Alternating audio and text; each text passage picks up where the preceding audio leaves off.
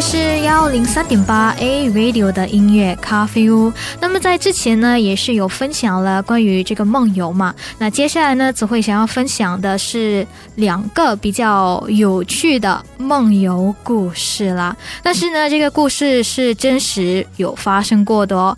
那第一呢，第一个故事就是有一位呢来自于美国的女生，那她呢是一直以来很注重于自己的体重的，所以呢，她在呃白天的时候啊，会控制自己的饮食，然后呢，会做各种各样的运动。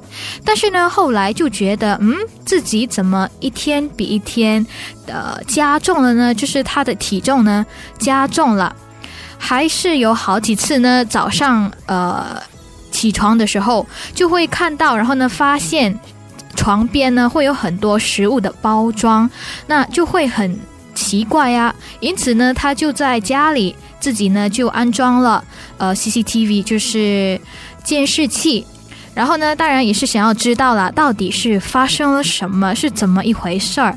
那之后呢，他就回看那个影片，才发现呢，原来在晚上他晚上的时候呢，他。就梦游了，然后呢，自己从房间走到了厨房里面，然后呢拿吃的，然后呢就是把食物呢塞进自己的嘴，然后呢吃了很多。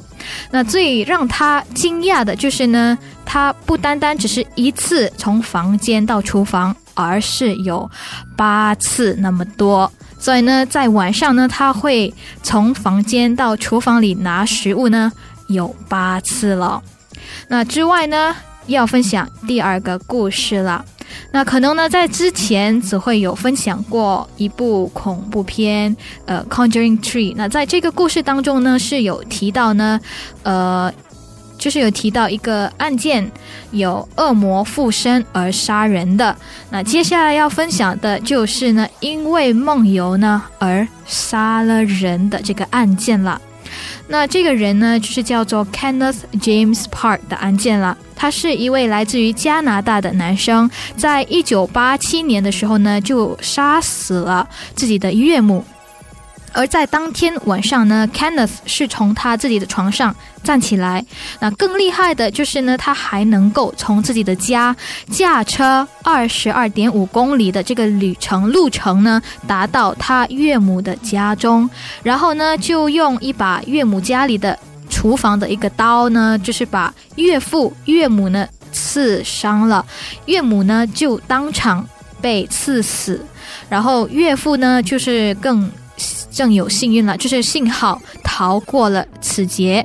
那最后呢，更神奇的就是这位 Kenneth 呢他自己。从岳父岳母的家又驾车到附近的警察局，而到警察局的时候呢，他就好像自己苏醒过来了，然后呢，脸上也是呃一副很紧张，然后呢也是很呃不知道发生了什么的那种表情了，所以呢，到最后也是的确有呃。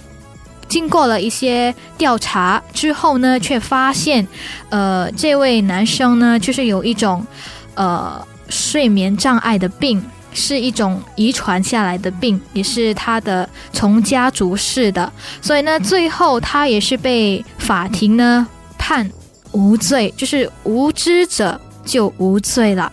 那听众朋友，您觉得这种梦游是不是蛮恐怖的呢？